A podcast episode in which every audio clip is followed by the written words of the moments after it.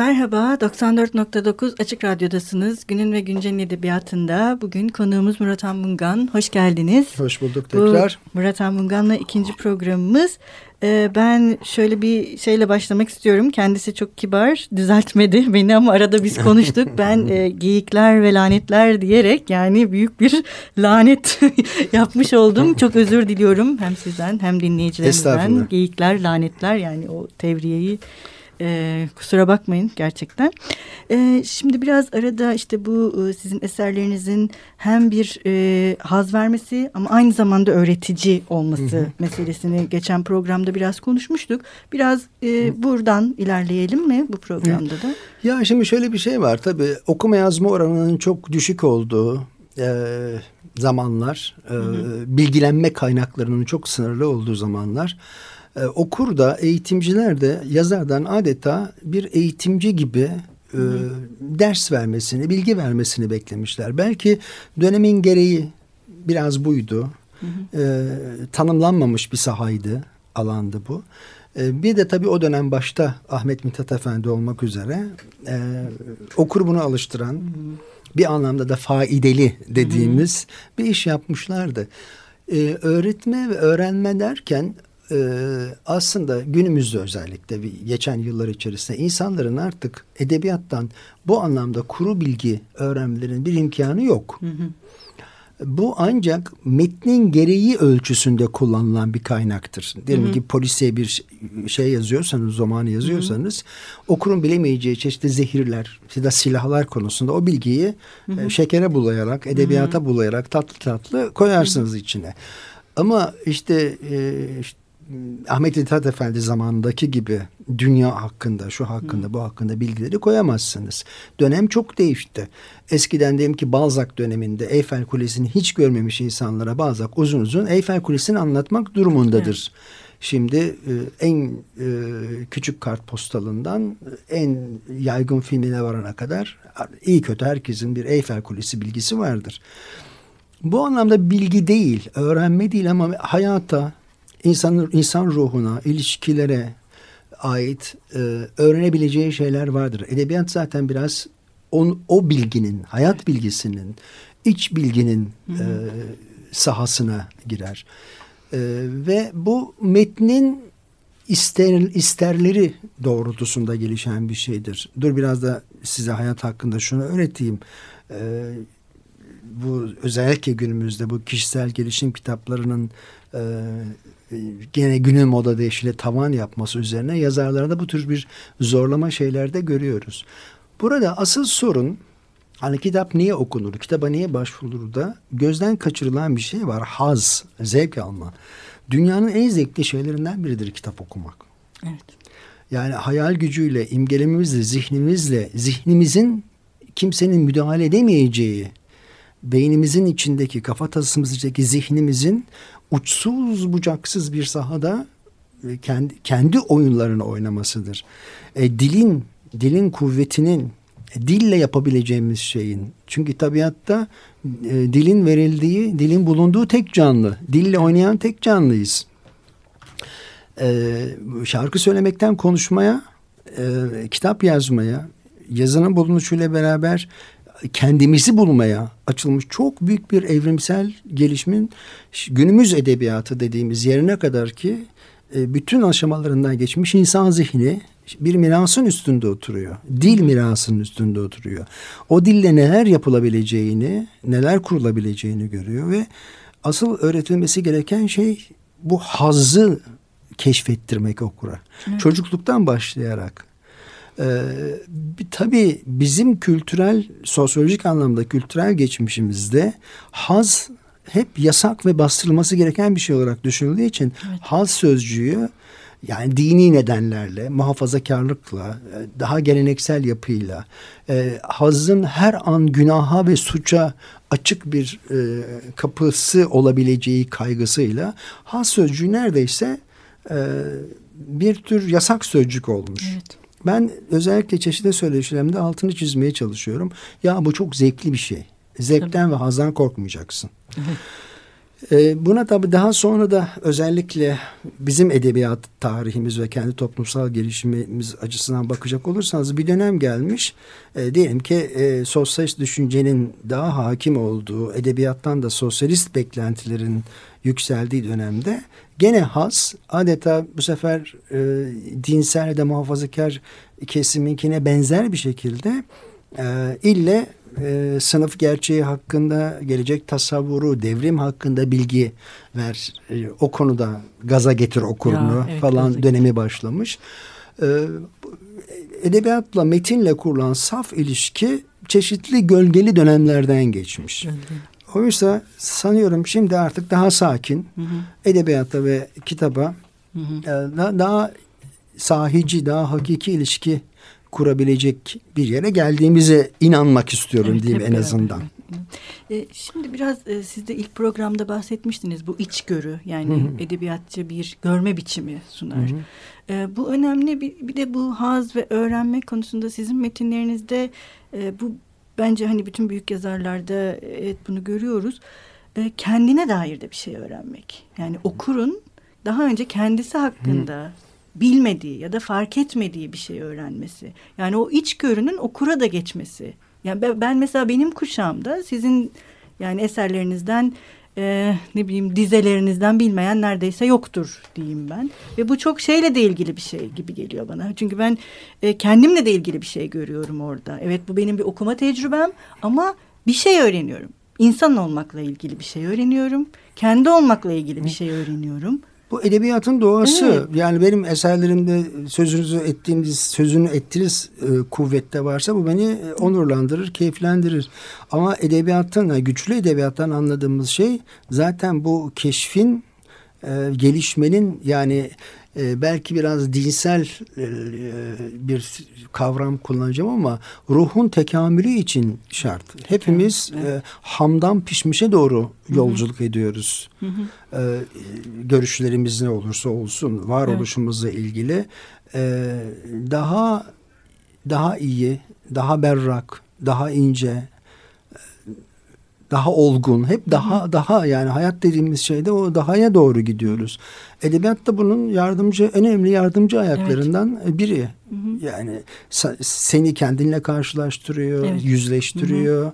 Ee, küçük oyunların konusunda seni uyarıyor. Evet. Ee, yazarken de e, sadece bulduğun teknikle e, ya da yarattığın bir eserin sarhoşluğuyla yetinmiyorsun. Kendin hakkında da bir şey öğreniyorsun. Evet. İnsanlar hakkında hmm. da bir şey öğreniyorsun. Aslında yani profesyonel yazarlık bir süre sonra şöyle bir deformasyona da yol açıyor. Hmm. Kendi pratiğimden e, gelen bir itiraf biçimde söyleyebilirim. Bir tür mesleki deformasyonu.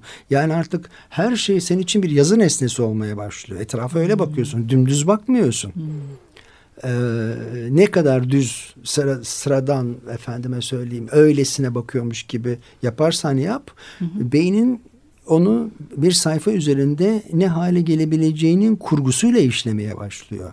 Bunu iyi biçimde yönetirsen hı hı. E, eserlerin güç kazanıyor. E, kendi çalışma yöntemimle ilgili e, hı hı. bir şey söyleyeyim. Hani sadece türler arasında çalışmakla yetinmiyorum. Aynı anda mesela e, birkaç şey çalışıyorum, birkaç şey yazıyorum. E, hep şu benzetme yapıyorum kendimle ilgili. E, ben hiperaktif biriyim. Hiç boş zaman fikri yoktur. Duvara bakmak diye bir şey yoktur bende. Evde hiçbir şey yapmasam toz alırım. Yani dümdüz oturup bir koltukta oturup duvara bakamam. Ee, bu tabii beni şeye açık, reseptörlerim çok açık, dünyaya açık, öğrenmeye açık. E, hep bir alışveriş halindeyim Hı. hayatla. Ee, bu kadar çok şey yap, yapıyorsun, yazıyorsun derken aslında e, şu da var. Zamanı tutumlu kullanma, kendine alan açma diye tanımladığım bir e, hayatı yönetme biçimim var. Aynı anda hareket etmekte olan trenlerdeyim. Hı hı.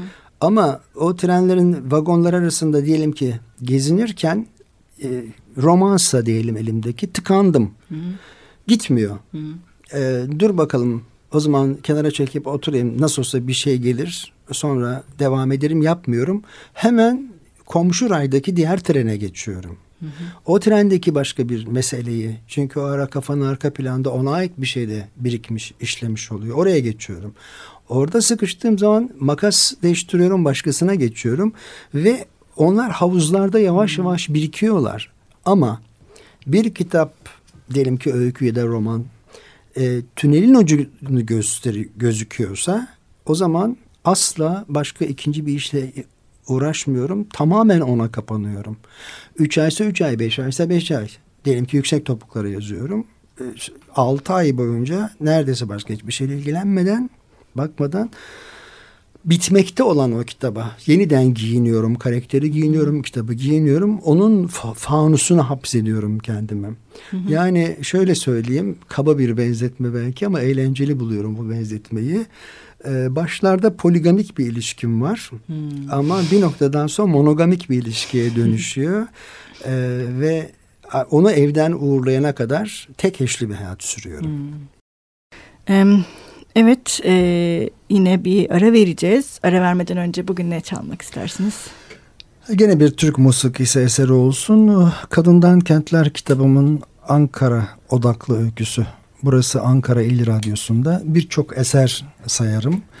Ama Mediha Demirkıran'dan bir şarkı seçelim. Çünkü deneme kitaplarının birinde de yıllar sonra Mediha Demirkıran'ın e, şarkılarını toplayan bir albüm için bir kartonet yazısı yazmıştım aynı zamanda onu da anmak e, mümkün olsun. Maziyi düşündüm de yoruldum.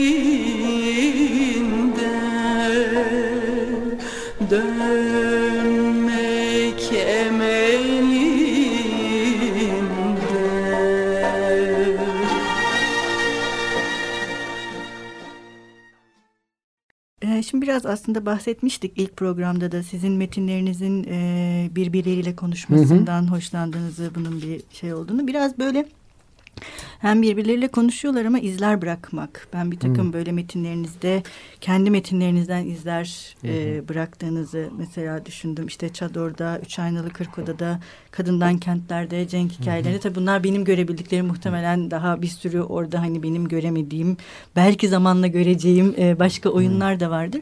Bu izler bırakmak metinlerde ee, mesela şeyde vardı e, sanırım yine hep üç aynalı kırk odadan gidiyorum ama orada hani şey diyordu bir konuşmalarda işte beş yaşında e, bir kız zaten kadın olur hani şey olarak sonra biz yüksek topuklarda Tuğde ile tanışıyoruz. Hı hı. İşte ondan sonra e, yine Omayra şairin romanında mesela en son ortaya yine Omayra'yı işte bu sefer bir erkeğin efsanesi diye aralarındaki konuşmalarda geçiyordu. Bu izler bırakmak yani kendi metinlerinize bu biraz e, sizin e, bir takım yani söyleşilerinizde de hani şimdiki konuşmamızda da bu bellek biriktirmek hmm. ve hani aynı anda birçok şeyle uğraşmak meselesi. Hani bu e, metinlerin belleğini oluşturmak gibi bir şey mi? Galiba. Hı -hı. Bir de şey e, tortu. Yani tortu. her şeyde bilerek yapmıyorsun. Hı -hı. Bazen e, kafanın işleyiş biçimi bunu getiriyor beraberinde. Bazen de mesela şimdi dokuz anahtarlı kırk odada e, sekiz öyküsü tamamen bitmiş bir kitaptan söz ediyorum.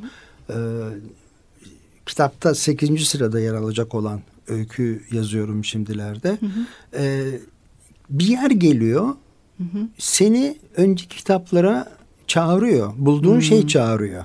Hah, evet, yani bak bu burada şık duracak, güzel duracak. Bir de 40 oda zaten kendi içinde 40 masaldan oluşacağı için hı hı. böyle bir şeyi kaldırıyor. Hı hı. Şimdi burada ille bir şey gönderme yapacağım diye zorladığınız anda o düşer üstü tutmaz orada. Hı hı. Ee, yakışması uygun olması hı hı. sırasının gelmesi gerekiyor. Hı hı. Ay dur şurada şöyle bir gönderme hı hı. yapayım şurada bilmem ne yapayım. Bu e, her şeyde olduğu gibi otantik olduğu zaman yakıştığı zaman gerektiği hı hı. zaman ve organik olduğu zaman hı. kıymetli bir şey. Evet. Ee, burada da mesela bir yer geldi. Ee, Horhor'da bir eskici dükkanında e, üç aynalık odanın aynalı pastanesinde Aliye'nin orada burada kaybettiği eşyalar. Hmm, orada mı çıkıyor? Orada çıkacak. Ah, ne kadar güzel. Şimdi, ben de merak ediyordum ne olacak diye o eşyaları. E, dünya kadar aklımda olan bir şey değildi mesela bu. Hmm. Ama burada e, şey de güzel. Hmm. Yani çok da yeri geldi çünkü e, muhtemelen o anda dükkanda hmm. arkadaşın yerine bakan Hmm. Kişi de e, tekrar bir türlü lambaya geri sokulamayan Alaaddin'in lambasındaki cin. Oh, çok hoş. Çok Aksaray'da Hor Hor Çarşısı'nda karşımıza çıkacak ama metnin gereği olduğu hmm. zaman e, hani e, bir masal gibi belki sizin e, e, verdiğiniz örnekten yol çıkar, çıkarsak e, ben de arkamda ekmek kırıntıları bırakıyorum evet, Hazel'le Gretel gibi. Evet ama bu çok önemli. Yani metinsel bir bellek yaratmak. Mesela bu ben hani kibrit çöplerini okurken birden işte o şey sahaf çıktı karşıma. Çadır'daki hmm. sahaf. Mesela. Aa, benzer şey, bir sahaf. Ha, evet. Benzer bir sahaf. Ama okura ha. düşündürmesini istiyorum ha, evet, onu. Yani ve, bu da benim keyfim. Evet, ama bu çok hoş. Yani göz kırpıyorum. Evet, göz kırpmak çünkü e, yani metinlerin kendi belleğini oluşturması ve hani o sizin dediğiniz ekmek kırıntılarıyla -hı. hani bir, bir şekilde okurla özel bir ilişkide kurmak o. Yani evet. evet konuşuyoruz zaten hani bir alışveriş biraz önce sizin söylediğiniz Şimdi şey şöyle gibi. söyleyeyim biz ya sizi güçlendirecek Hı. bir örnek. Şair romanını yazarken e, bazı şeyler kullandım. Mesela onun arkasındaki atölye çok kalabalık bir atölyeydi. Hmm. Çok okumalar vardı.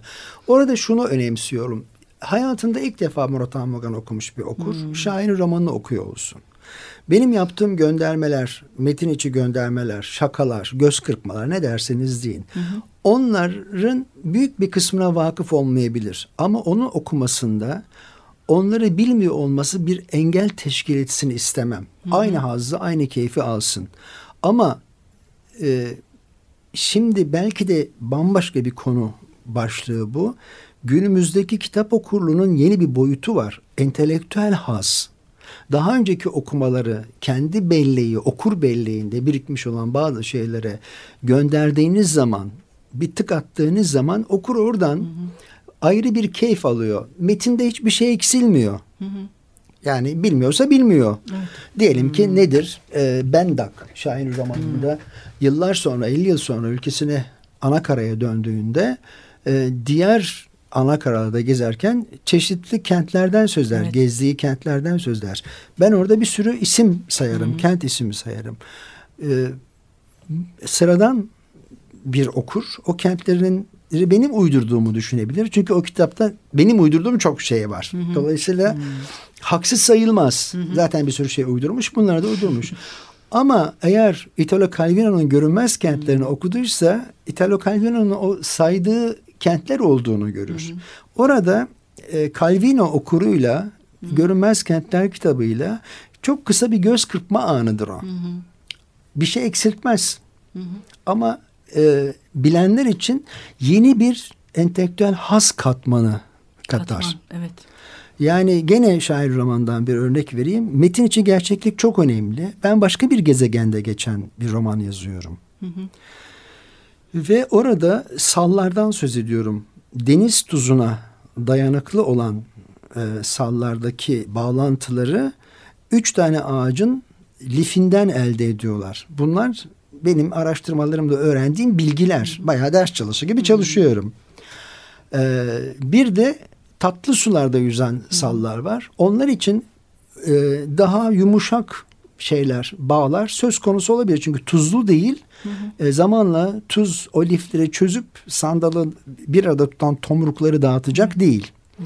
Şimdi çalışırken karşıma çıkan üç tane ağacın lifi var. Bunlar e, tuzlu sularda, denizlerde ki sallar için. Hı. Bir tanesi okaliptüs ağacından. Hı.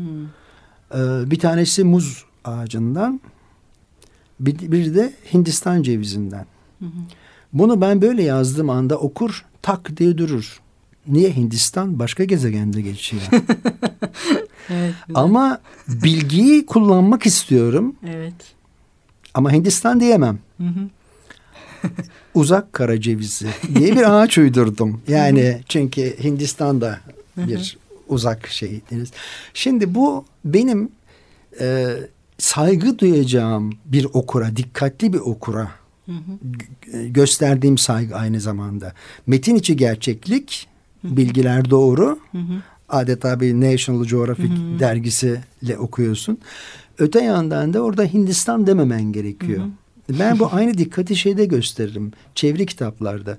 E, bir dönem hatırlarsanız Çilek diye 40 evet, kitaplık bir dizi e, koleksiyon hmm. yönetirken çevirmenlerden rica etmiştim. Ee, Amerika'da geçen, İngiltere'de geçen bir öyküde ne olur bana Beyoğlu taşı, Arnavut kaldırı, Manisa lalesi demeyin. Başıma taş düşmüş gibi oluyorum. Yani elin Fransızı niye Arnavut kaldırır mı desin.